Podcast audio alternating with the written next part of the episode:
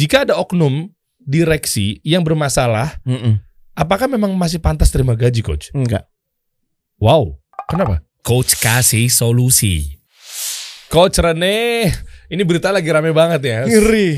Ferdi Sambo, kita lihat beritanya. Sudah jadi tersangka, Ferdi Sambo masih terima gaji. Raut wajah Anda kenapa tiba-tiba? Enggak ada suara. Guys, Eh, sebenarnya gua agak ngeri nih ya. Nggak gini gini gini. Lupakan mau ya oknum lah apa segala macam, bahkan eh, jajaran apalagi gitu kan. Hmm. Kita bukan bahas ke situnya. Para para kepolisian kita yang masya Allah gitu kan Republik Indonesia ini. Tapi Oh, justru malah saya mau mengapresiasi Bapak Presiden kita dan juga Bapak Kapolri. Enggak akhirnya bisa kebuka Iya. sesuatu yang gimana ya? Gue salah satu yang membaca juga Hmm, case ini. Iya. Harap-harap cemas kira-kira kebuka nggak ya? Hmm, oke. Dan bisa sampai titik ini sih syukur alhamdulillah dan respect buat Pak Jokowi, Pak Kapolri dan segenap jajarannya menurut gue lanjutkan terus. Iya. Ini gokil upaya Betul. untuk memperbaiki kultur. Nah ini ada hubungannya nih sama pembahasan kita kali ini ya. Mm-mm. Artinya eh, saya lihat video Pak Jokowi tegas dengan usut tuntas. Mm-mm. Pak Listio juga, waduh, masya Allah gitu kan. Eh, ternyata memang bener-bener eh, clear, gamblang, dibuka semuanya satu persatu apa segala macam. Salam hormat saya buat Pak Listio. Dan itu pilihan yang nggak mudah ya. Maksud Hmm, gue, hmm, gue, gue, gue ngebayang hmm. bagaimana eh, bisa skenario yang awal Hmm. keluar dan sampai kemudian beredar Hmm, hmm. yang yang awal ya Iya. dan kemudian bisa dibalik seperti ini kan artinya ada kekuatan yang bertarung gitu Iya betul. dan akhirnya kekuatan yang baik kekuatan yang terang menurut gua eh, nyala gitu dan bisa bisa terus ada dan ini kritikal banget Iya. lihat ya Der ya Hmm, hmm. Nah, kemarin kita ngomongin kultur ya Iya betul. kultur itu salah satu dari tiga pilar yang memastikan perubahan itu bisa terjadi dan Oh. mestinya perubahan positif ya. Oh. Karena kemudian apabila perubahan negatif ternyata jangan-jangan kultur tanpa disadari punya pengaruh yang buruk. Oh. Jadi gini, kalau oke. dikasih gambaran yang menurut teorinya Ah. ya, perubahan itu kalau mau paling gampang berubah, coba lo perhatikan di antara struktur people and culture. Paling paling mudah yang mana, Der? Yang paling mudah ya, aduh. Paling mudah tuh Yang gini. people. Betul. Iya kan? Karena tinggal ganti aja orangnya. Eh, Kalau kalau organisasinya ngaco, ya nomor satu yang harus dilirik kan pasti yang disalahin siapa? ya Orang orangnya. nomor satunya kan. Iya iya iya. Kalau mau benahin organisasi itu ya nomor satu ganti leadernya itu yang paling gampang. Oke, ini mundur dikit ya coach Hmm. ya. Bukan saya mau main di pinggir jurang lagi ya. Boleh izinkan saya lihat dari yang tadi? Yang Eh, ini. Mundur dikit, ha? Mm-mm. Ini kan Ferdi Sambo. Menurut berita ya, Detik Finance. Ya bener ya? Ya oke, Betul. Detik Finance sudah terjadi eh, sudah jadi tersangka Ferdi Sambo masih terima gaji. Mm-mm. Ini cocok ya pembahasan kita. Mungkin kita nggak mau lebih dalam lah. Tahu lah para para kita kita tentang berita ini. Ya udahlah masing-masing aja lah. Cuma bukan di sini tempatnya untuk membuka untuk yang bukan ranah kita. Tapi di sini konteksnya adalah misalkan kita pinggirin dulu yang ini. Mm-mm. Oke, eh, kita mau fokus kepada misalkan coba dicocok logikan kepada direksi-direksi misalkan Mm-mm. di sebuah perusahaan. Mm-mm. Jika ada oknum direksi yang bermasalah, Mm-mm.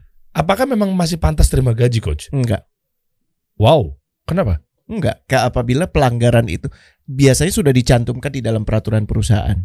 Ya, apabila sudah terbukti atau dia mengaku atau sudah ada bukti-bukti yang clear mengatakan bahwa dia salah, Hmm. saat itu juga sepatutnya tidak lagi menerima insentif dari organisasi. Memang begitu kulturnya harusnya. Bukan kultur, itu Bukan. peraturan. Peraturan. Ah, itu Oke, peraturan. oke. Ada perusahaan yang mungkin nggak meregulate itu. Kalau nggak ada peraturan, ingat yang kata Pak Sudirman Said, azas kepatutan aja. Oh ya. Iya nggak? Ah. Pantas nggak? Oh ya enggak sih. Nah, Kalau lihat Hmm. dari pantas nggak, ya dilihat di situ. Oke oke oke gitu. oke, oke. Tapi mungkin kalau ini, Der, kalau lo kaitkan ke sini, bisa jadi karena belum ada verdict, belum ada keputusan dari pengadilan, sehingga mungkin ada peraturan yang gua nggak paham, Mhm. masih mengizinkan dia dibayar, gitu. Hmm. masih masuk sebagai jajaran. Kan belum ada kabar tentang pencopotan eh, apa ja, pangkat baru jabatan ya yang Iya, iya. dicopot ya. Iya iya. Tapi kan pangkatnya belum bukan tidak dicopot, masih bertugas sebagai masih resmi sebagai eh, polisi dan Iya. mungkin untuk itu dia masih berhak mendapatkan gaji menurut peraturan yang ada. Walau alam. sampai nanti misalkan kan Bapak Kapolri kita gitu kan sudah jelas tak tak, tak, dan para apa biasanya gini apa sih hakim jaksa saya kurang paham nih mohon maaf Kalau dibawa ke pengadilan harus dibuktikan. Jadi ada yang bela dia itu pembela, ada yang mengatakan dari polisi terus diangkat ke kejaksaan. Oke. Nah kalau udah masuk kepada Nah itu tuh misalnya ditetapkan, oke penjara ya misalkan. harusnya udah nggak bisa.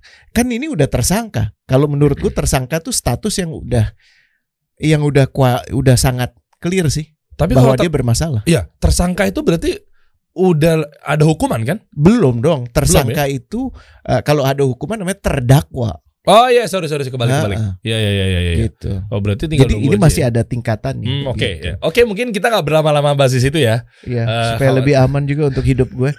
Em, Loh, ya kan kita justru, kembali. justru kita di sini mendukung para para jajaran bener, karena gini, bertindak tegas, adil, keadilan sosial bagi seluruh rakyat Indonesia. bukan hanya kejadian ini ya, Der. Mm-mm. Atas setiap kecelakaan yang terjadi, ya. Oke. Apakah itu motor, mobil, itu kan kultur kita mengendarai kendaraan. Iya. Bener nggak? Oke. Sehingga kemudian lu perhatikan ya, kalau di Indonesia ini menarik ya. Salah Hmm. satu kesempatan gue pernah eh, jalan-jalan ke luar negeri. Mm-mm. eh, pada saat gue ke negara kayak misalnya Jepang ya atau ke Amerika Serikat itu kalau ada yang jalan mobil tuh ngalah udah pasti Wah, udah pasti Wah, sangat Indonesia udah sekali pasti kalau kita di Sangat- sini ya. Sangat Indonesia lo sekali. diklakson men kalau boleh dipepet-pepet bahkan yang namanya trotoar tuh diambil itu budaya men Ya, ya ini bukan masalah ngejelekin diri sendiri. Ini Iya. kita akui deh. Dan atas semua hal yang kemudian muncul di permukaan, Eh, itu di bawahnya ada satu faktor dominan yang nggak tampak yang mempengaruhi itu terjadi. dan lebih besar lagi. Lebih besar lihat ya. Tadi masih ingat ya, gue kembali lagi ke sini ya. Oke. Change perubahan itu dipengaruhi oleh apa? Kalau mau ngubah, mau bikin perubahan yang efektif, ganti orangnya. Paling cepat itu. Karena kalau kita ngomongin kultur itu program jangka panjang. Hmm. Perlu nggak? Perlu, tapi nggak mungkin lo bisa mengharapkan hasil dalam waktu setahun, Oh. dua tahun, tiga tahun nggak bisa der. Tapi kan suruh ganti orang itu kan harus ada yang pemangku jabatan dan Nah kepentingan. itu dia kepentingannya siapa kan? Ini jadi pertanya- pertanyaan berikutnya. iya. menurut gue ya ini penilaian pribadi dan gue juga sepakat dengan apa yang diucapkan sama Pak Sudirman Said salah satu menteri BUMN paling keren yang gue pahami itu adalah namanya Sofyan Jalil Oh, tahu. prinsip dia tuh nggak apa Hmm. nomor satu tugasnya itu gampang cuman cari CEO yang terbaik untuk bidangnya Oke. pahami ya Hmm. bukan CEO yang mau dengerin gue bukan Mhm. CEO yang eh, apa yang penting bisa jaga kepentingan gue bukan Untuk Tapi bidangnya CEO maksudnya bidang perusahaannya. bidang industri Bisnisnya? bid- bidang industri Ah. perusahaannya dong Oke, oke. Ya, terus kedua itu satu ya. Kedua, biarkan dia memilih timnya. Menarik ya. Ah. Biasanya yang yang kerap terjadi saat ini, CEO dipilih, COO-nya yang lain, CMO-nya yang lain. Mereka nggak pernah ketemu sebelumnya. Lo sebagai profesional harus bisa kerja bareng. Oh, iya. Jadi dia nggak diberi kesempatan untuk membentuk tim. Bahkan di hari pertama pun udah ada friksi. Kenapa? Karena tim yang membentuk bukan si CEO itu. Oke. Nah, Ya. nah ini menarik nih Ini- coach. Ini kita sambil diskusi ya. Boleh. Artinya kalau perusahaan berarti nggak melulu dia harus CEO-nya misalkan di bidangnya. Oh seakan-akan perusahaan itu berarti kan ada hubungannya sama bisnis. Dia berarti orang bisnis sama orang keuangan aja. Padahal misalnya perusahaannya media, Mm-mm, perusahaannya transportasi. Nah itu gimana? Atau tech, marketplace. gini pada pada level itu kemampuan teknis itu sudah em, menjadi pendukung yang lebih penting adalah kemampuan dia membentuk tim mempengaruhi Oh. memunculkan sense of urgency Gitu. jadi pada saat gue bilang dia mumpuni di bidangnya bukan karena dia ahli di bidang itu bisa aja belum ada yang ahli di situ contoh Hmm. dari hasil Pak Sofyan Jalil ini muncul satu orang namanya Ignatius Yonan Ignatius Yonan tuh dia jadi eh, presiden direkturnya KAI Iya. dia yang mentransformasi KAI dari cupu banget menjadi keren. Hmm. Sebelumnya dia apa? Sebelumnya Pak Ignatius Jonan menteri. Citibank Director. Oh, Citi- Citibank ya? Kan bukannya dipindahin. Habis itu dia jadi menteri. Ini sebelum itu. Oh iya benar. Pahami ya? Jadi oh iya nomor menteri, satu. menteri menteri perhubungan ya? Iya, melihat people. Terus satu lagi apa? Structure. Structure. Iya kan? Hmm. Tadi masih ingat ya? Pak Pak Pak Sofyan Jalil bilang apa? Nomor satu, gua kasih kesempatan buat CEO terbaik. Oke. Nomor dua, gue biarkan dia membentuk timnya. Hmm. Nomor tiga, Mm-mm. gue sebagai menteri akan melindungi dia dari interference politik, gangguan politik. Oh. Gokil ya. Oke. Jadi memang dari awal dia diminta untuk people udah membentuk struktur terbaik dan kultur itu akan mengikuti. Oke. Menarik ya. Oke. Nah, Atas apa yang terjadi dari setiap kecelakaan, dari setiap eh, korupsi itu bentuk kultur, men. Tapi kultur tidak bisa diintervensi saat itu, nggak bisa. Karena butuh contoh sekali, dua kali, tiga kali, Hmm. setahun, dua tahun, tiga tahun, berkali-kali. Kan kalau kita masuk ke organisasi, gampang sekali ada yang tampak, ada yang nggak tampak. Lihat nih, Der. Lihat apa eh, eh, gunung Visual. es ya. Iya, iya. Masih ingat kan yang cerita Titanic kan? Iya. Titanic itu pada saat dia nabrak gunung es yang tampak, yang tampak ya, yang di Eh, atas iya, itu, iya. itu nggak kenapa-napa loh. Iya betul. Cuman guncangan gerak Gerak sedikit. gitu. Cuman yang bikin dia karam karena yang namanya bagian bawahnya itu robek, men. Eh, udah tuh Dan langsung tuh. Lihat kalau yang atas kan dia kena matahari. Iya. Kena matahari artinya apa? Ya nggak se nggak terlalu keras, jadi lebih soft. Oke. Iya. Ya. Tapi yang di bawah kan nggak kena matahari, Eh. jauh lebih keras. Dan bisa jadi ini emang kodarnya Allah, ya ketetapannya Allah. Karena orang yang bikin Titanic kan sempat bilang, bahkan Allah pun nggak akan mampu menenggelamkan kapal ini. Eh. Bisa jadi. Tapi apa pun itu, pada saat kemudian kapal itu berjalan yang mencelakakan bukan yang tampak, yang nggak tampak. Organisasi itu lebih sering celakanya karena yang nggak tampak. Tapi banyak sekali orang fokusnya cuman yang, Yang nampak. tampak Lihat, itu. yang nampak tuh apa? Oh, kawan-kawan, kita punya goals A B C D E. Paham, semua paham, tapi belum tentu mengamini. ya, Oke, eh, kita oke. paham objektifnya. Oh, cara penyampaiannya berapi-api. Bisa, bisa, bisa. Ayo, ayo, ayo. ya kan? Job description-nya jelas. Eh, Iya kan? Tapi yang nggak tampak coba lihat deh. Kebutuhan individu itu, dia merasa dihormati nggak? Dia merasa dihargai nggak? Hmm. Atau jangan-jangan dia di situ cuma kerja doang. Terus ada perbedaan ide. Gue kira-kira kalau ngomong sama Derry eh, nanti langsung dibantai. Ya udah gue Hmm. mendingan diam aja deh. Oke. Ya atau lu memberi peluang orang untuk ngomong. Hmm, Oke. Itu budaya, men. Oke. Ya, eh, bagaimana kemampuan power dan influence? Tunggu dulu. Kalau secara pangkat clear banget bapak ini dia direksinya. Hmm. Bener ya secara strata strukturnya. Iya. Tapi jangan-jangan yang paling berkuasa itu namanya bu direkturnya, Oh, istrinya. Oke. Jangan-jangan yang lebih ber- lebih berkuasa eh, orang yang suka nyeplai barang ke dia. Hmm. Jangan-jangan yang lebih berkuasa nggak punya jabatan. Tapi karena dia megang sesuatu dari orang itu, dia yang bisa ngapa-ngapain. Oke, dapat. Paham ya? Iya, iya, itu iya, iya. itu power and influence. Hmm, Belum tentu yang lo lihat ya, yang dipahami di buku Hmm. itu yang terjadi, bener nggak?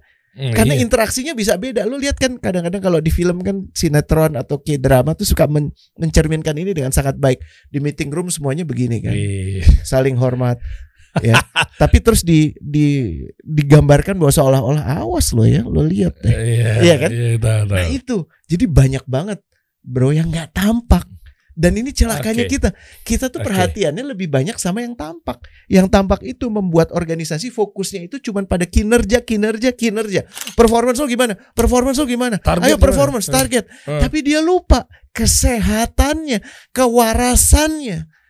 Kewarasan organisasi itu tergantung kewarasan individu yang ada di dalamnya. Hmm. Kalau lo ngerjain bidang, Hmm. gini, da- dengan segala hormat punya pekerjaan sendiri itu bentuk kewarasan dan kesehatan. Hmm. Lo nggak punya pekerjaan itu peluang untuk nggak waras nggak sehatnya lebih besar, betul Oke, ya? Oke. Tapi pada saat lo punya pekerjaan ada di environment yang toxic, yang nggak memungkinkan lo untuk bicara apa adanya, yang nggak memungkinkan lo untuk berkata jujur, juga berbahaya. Jadi antara kesehatan Iya. dan kinerja tuh harusnya balance. Hmm, Oke.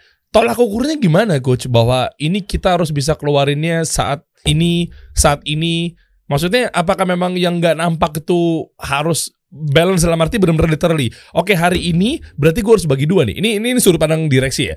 Hari ini berarti gue harus eh, tetap nanyain eh, target misalkan eh, sama imbangin sama yang ini atau beda hari atau kapan gimana cara Ja- jawaban mudahnya tuh gini. permainannya? Sebelum kal kan gini kayak kalau lu punya tujuan der, lu Eh. punya objektif untuk ke pulau sana, Iya, iya kan? Cara mencapainya kan bisa berbagai macam cara. macam-macam. Ya kan bisa lo berenang sendiri, Ya. artinya lo eh, yang kemarin kita bahas entrepreneur, pekerja lepasan itu kan Hmm. lo berenang sendiri. Iya. Kalau perusahaan kan lo ada orang yang dayung kan, Iya, bener nggak? betul. Bagaimana kemudian lo bisa memastikan orang tahu tujuannya di sana dan orang termotivasi untuk dayung? Karena bisa aja kan kalau yang dayung berdua, yang satu cuma nempelin tangannya bisa kan? Pura-pura kerja. Akhirnya gitu. kerja cuma satu, betul nggak? Tapi semuanya dikasih bayaran yang sama. Iya. So artinya apa? Cara mencapai tujuan itu lebih penting bahkan dari tujuannya sendiri. Uh, uh.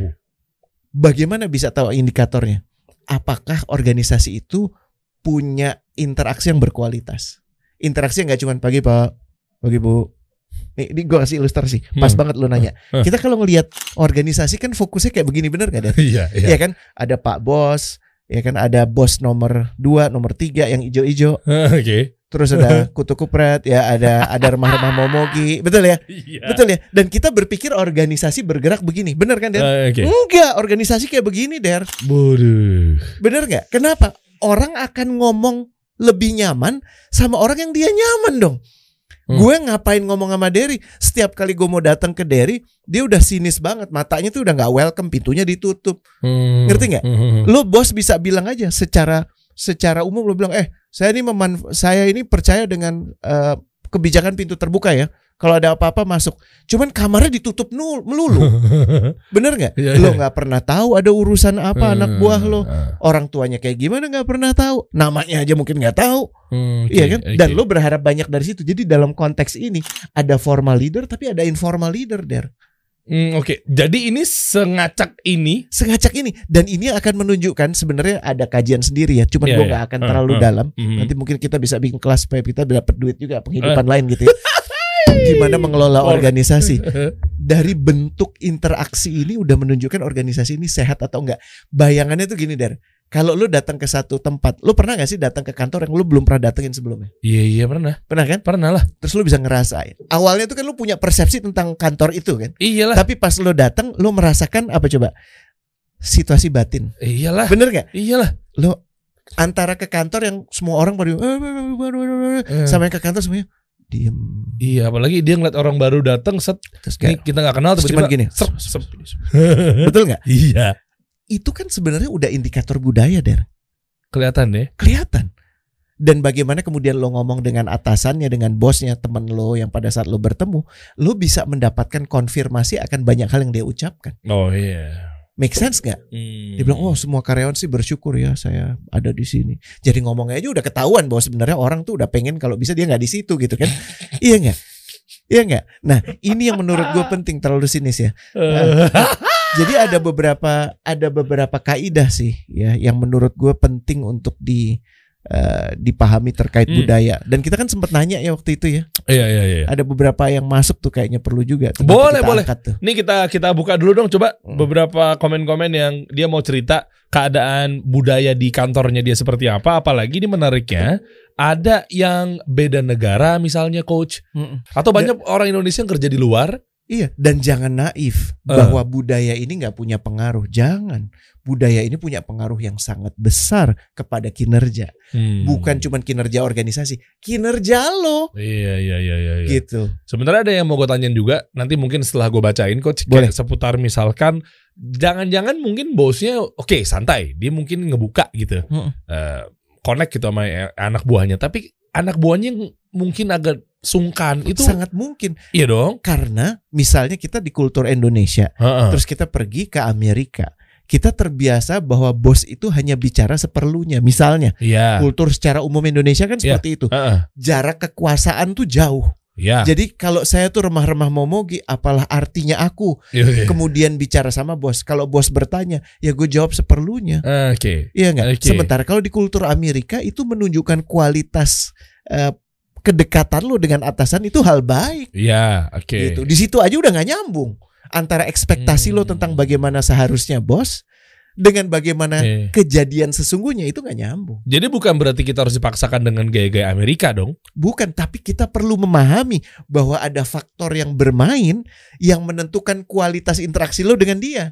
Dan Ah. kalau lo masih pakai asumsi yang sama dengan sebelumnya, asumsi yang sama dengan lo masih di Indonesia, lo nggak akan perform, Hmm. nggak akan perform, men. Oke. nggak akan, Oke. gitu. oke. Jadi emang butuh butuh paham dan Adjust ya? alhamdulillah udah ada gitu ya. Ah. Contoh-contohnya nanti kita bisa bahas deh. Oke oke. Nah, ya ini kita baca komen dulu dari Hmm. teman-teman yang udah pada masuk nih Masya ya. Allah. Oke, nanti mungkin buat teman-teman juga biasanya kita di penghujung tuh kadang juga suka buka interaksi ya sama teman-teman ya. Jadi buat lo misalkan pengen cerita sesuai dengan tema kita nanti kita antarkan lah kira-kira pembahasan untuk yang berikutnya apa. Lo tinggal komen aja Mm-mm. sesuai dengan arahan coach Reni nanti ya. Mm-mm. Oke yuk. Eh, Mai Michan.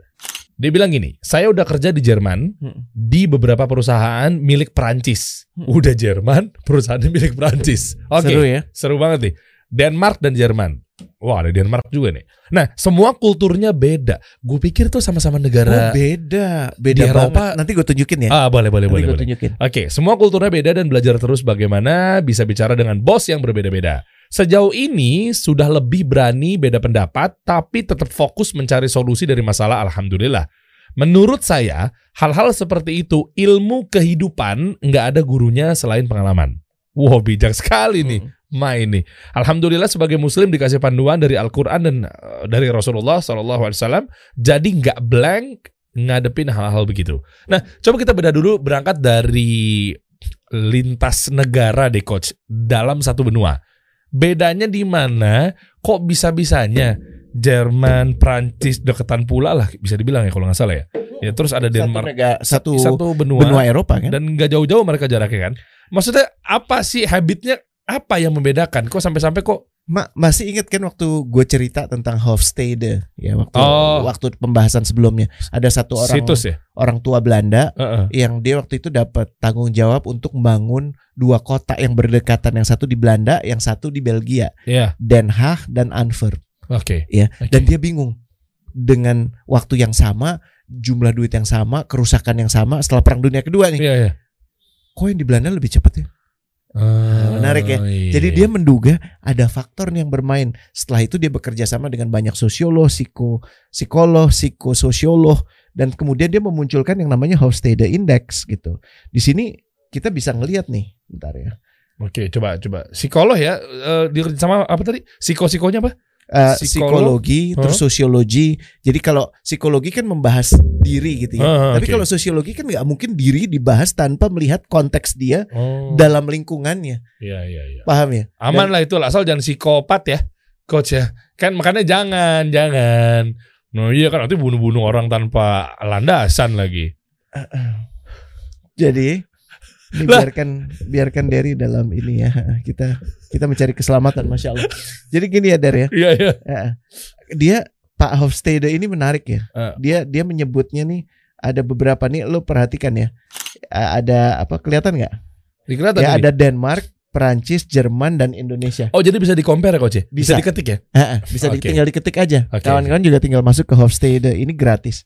Ya lihat nih power distance yang paling rendah siapa coba? Lah, Denmark, Iya. Jadi di situ artinya lu bandingkan yang paling ekstrim paling tinggi siapa? Indonesia. Nomor dua. Nomor dua ya si Prancis. Jadi Indonesia tuh 11 12 sama Prancis ya. gitu. Kalau soal power distance, artinya apa power distance? Oh, Ingat oh. ya, bagaimana orang yang mempunyai kekuasaan dipersepsikan. Masih ingat Hmm. cerita gue dulu ya, waktu gue masuk ke sempat ngobrol sama satu BUMN, BUMN Hmm. yang udah tua banget. eh, kalau direksi itu makan di satu ruangan, ya. Iya. Eh, L minus satunya dimakan di luar ruangan, ya. L minus duanya tuh makan di taman. L minus tiganya itu kagak makan men, cuman ngeliatin doang, kok, melayani. kok gitu? Gila kan? Terus tiba-tiba dia misalnya ya teman gua ada yang baru ditunjuk dari jadi di direksi di BUMN yang juga udah lama. Terus dia masuk ke satu ruangan dia bilang gini, gelap ya ruangan ini.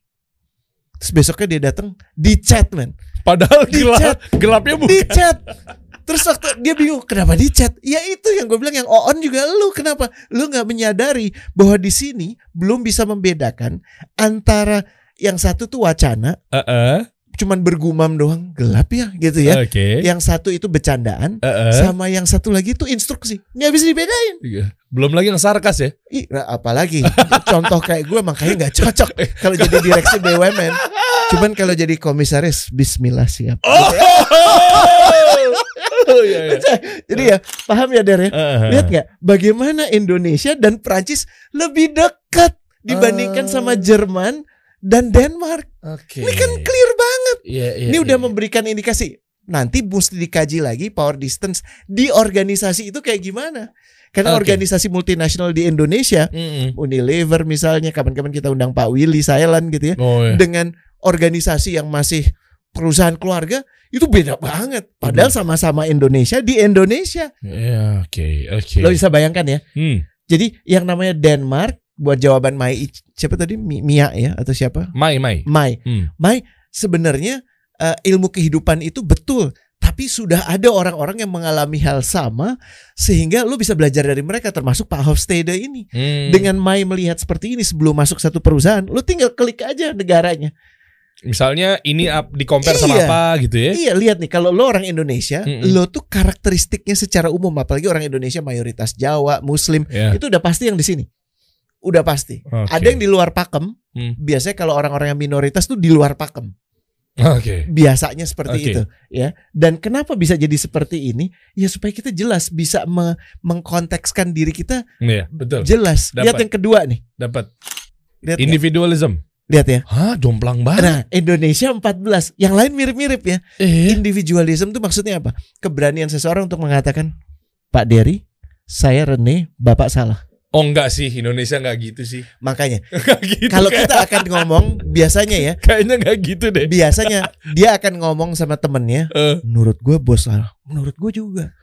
Tapi kita cuma berdua. tuh kan. Ya udah kita ngomong sama yang satu lagi. Ajak bertiga, berempat, berlima, bersepuluh. Akhirnya isunya udah gede banget. Baru kemudian datang ke bos. Atas rekomendasi kami rame-rame Uh. Bapak salah. Iya padahal tinggal lo ngomong aja waktu dulu awal salah. Bapak juga bilang, "Oh iya, nggak apa-apa." Cuman it takes time untuk kita bisa secara individualistik mengatakan yorong.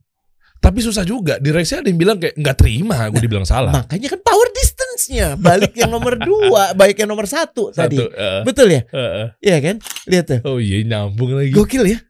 Iya lagi. Gokil ya? Tapi kalau mau dibilang bahwa kayaknya nggak semua deh coach, tapi hampir Emang semua gimana ya? Tapi kan ini memang kecenderungan. Eh, Jadi kecenderungan itu rata-ratanya orang Indonesia ya kayak begini. Dan ini bukan masalah benar salah.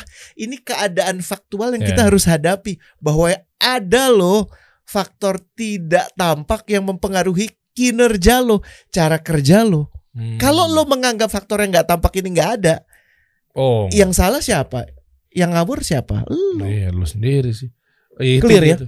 Nah Banyak terus banget. cara menyikapinya gimana? Oke kita udah kita fokus di, di nomor dua dulu ya. Mm-mm. Misalnya kita terus oke, lang jom, yang jomplang sekalian dari Denmark. Misalnya kita di- kerja di perusahaan Denmark. Lah terus oh dia berarti gini, koreksi kalau salah ya. Coach eh, bacanya gini. Oke, Denmark, bos gue orang Denmark, dia tuh kayaknya santai nih berarti nih. Iya. Gitu Dan ya? artinya lu Gitu ya? yang betul. Jadi gini, yang mengikuti kultur itu individu, bukan eh, bukan sebaliknya. Nah. Bukan individu menuntut kultur berubah untuk dia. Nah, ini yang sering oke. kali salah. Oke, ini gue dapet nih. Ya, Ah. Eh, kebanyakan orang berpikir kan gue orang Indonesia, pahami dong. Gak bisa.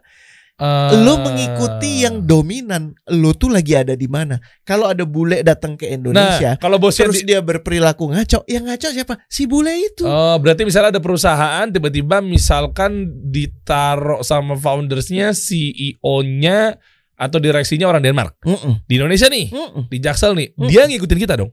Dia harus ngikutin kita, betul. Oh. Bukan ngikutin saya ya, ngikutin kultur Iya. Indonesia. Oke, dibalik ya. Memahami kultur Iya. Indonesia. Mantap nih materinya kok sering ini. Dibalik nih. Berarti kalau misalkan tadi kan Indonesia kerja sama bosnya orang Denmark, dia kerja di luar, berarti kalau dia mau negor, ya ya udah Ya, tegur bismillah. aja. Tegur aja.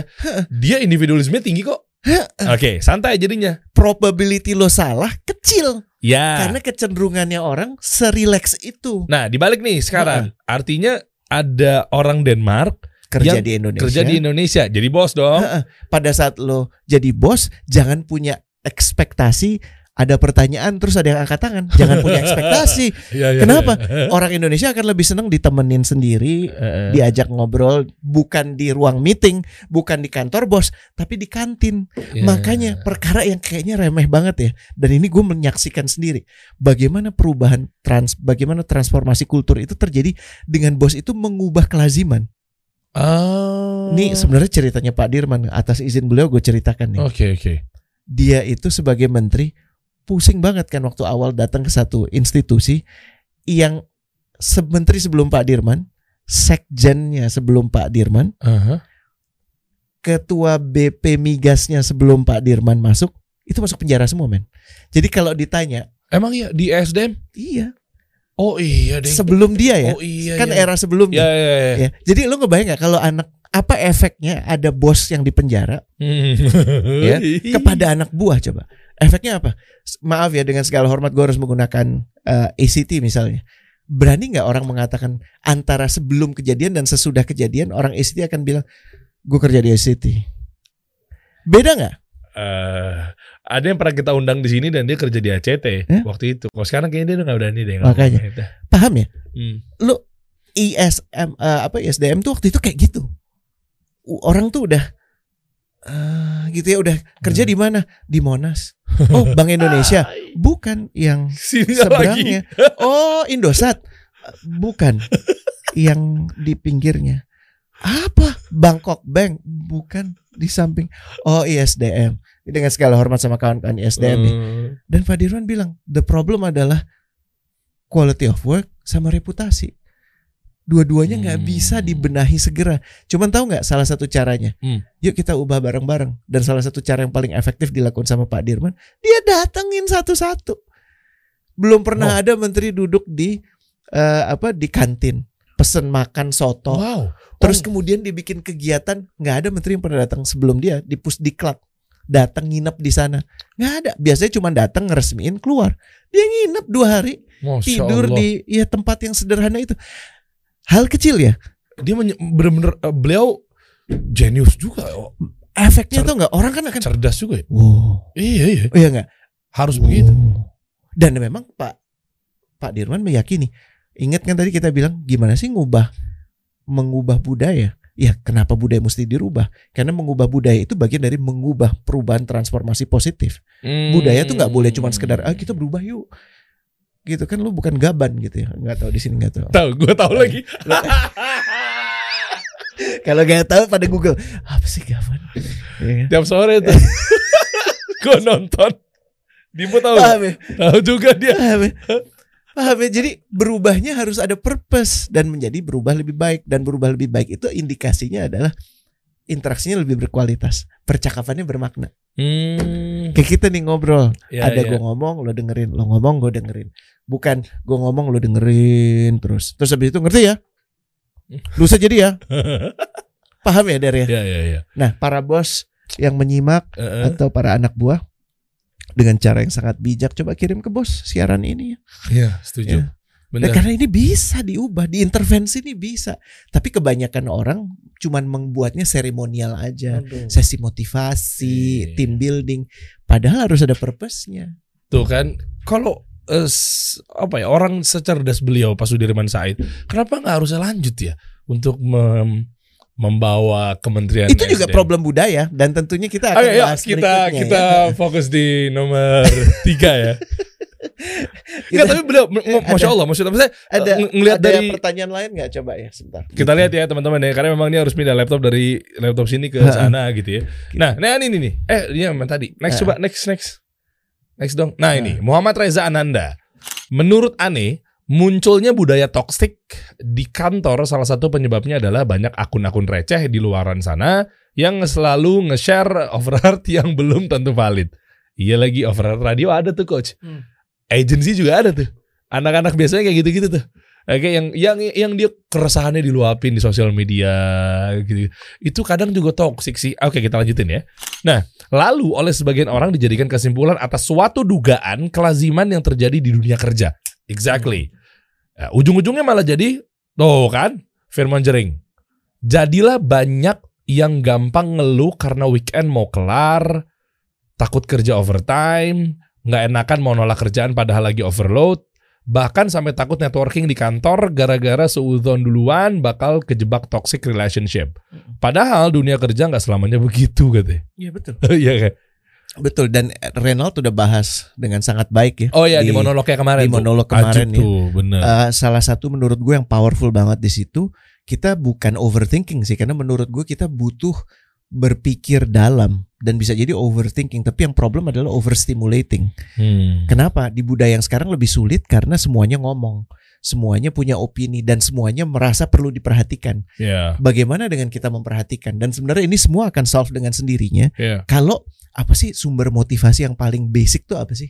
Lu mengerjakan yang lu sin yang lu sukai, bener gak sih? Ya. kenapa sih dari day in day out datang ke sini bikin podcast iya ada harapan untuk dibayar ada kemudian efek untuk kemudian saya nanti lebih dikenal. Nggak mungkin hilang itu.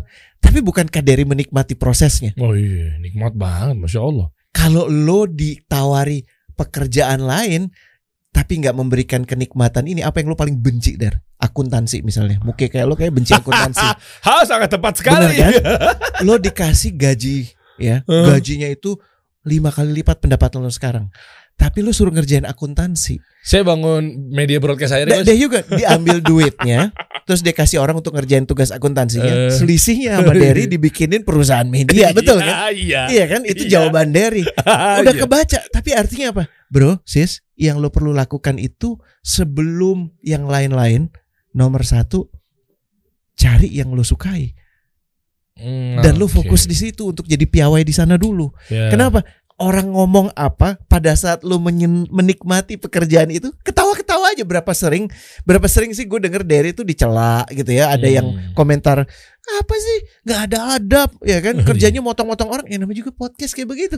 Tapi efeknya ke Derry apa? Dasar orang nggak gampang ngerti. Gue kan lagi coba bikin podcast. Ya udah deh gue nggak usah bikin podcast lagi. Loh itu kan mutung. Iya. kenapa Derry nggak melakukan itu? Karena lo udah settle Hmm, dengan pilihan lo Hmm. Kebanyakan orang bekerja itu problemnya menjadi seperti ini karena yang difikirkan adalah cuma duit. Oh. dan kalau duit udah dapat yang dikerewesin semuanya. Paham ya? Hmm, Iya iya iya iya iya iya. gitu Oke oke. apalagi kemudian ada comparative happiness lo bandingin hidup lo dengan hidup orang lain Rempong. Waduh repot itu itu tuh ya tahu tuh gue tuh Rempong. itu nggak ada bisa-bisa tuh dan tugas leader itu adalah memunculkan sense of urgency dalam organisasi dan Oke. membantu mana orang-orang yang kira-kira mau menjadi bagian yang Hmm. positif Oke, nah tolak ukur untuk milih bahwa ini adalah kantor yang nyaman. Tadi kan katanya kan kita yang penting eh, bukan nyaman ya bukan ya sorry ya, Ah, Jadi, lebih masih kepada ingat eh, kita udah bahas Hmm. sempat bahas waktu itu atau belum ya nanti kita bikin sesi lagi kayaknya deh itu makanya. work life belum. harmony ya Ah, dan eh, career triangle ya iya. Atau mi- minimal bukan nyamannya di suasana kantornya tapi dia piawai di situ lah.